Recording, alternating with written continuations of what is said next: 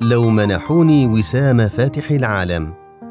بقلم فتح الله جلان لا تستحق الدنيا البقاء فيها أن لم نعلق حياتنا فيها بغاية سامية.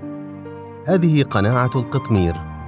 أجل إن لم أعرف العالم بملك الملوك سبحانه وأبذل قصارى جهدي في ذلك إن لم أغرس محبة الحبيب المصطفى صلى الله عليه وسلم في القلوب إن لم أعمل على هداية الناس إلى الله إن لم أكن هائما بغاية سامية كهذه أرجو أن تعذروني سأقول شيئا أقوله لنفسي دائما فسأعد نفسي حمارا حتى لو منحوني وسام فاتح العالم.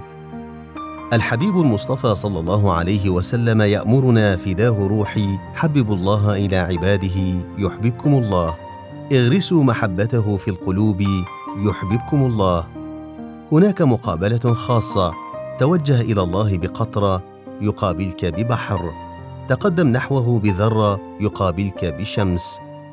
تقبل إليه بعالم فان يمنحك عالما خالدا.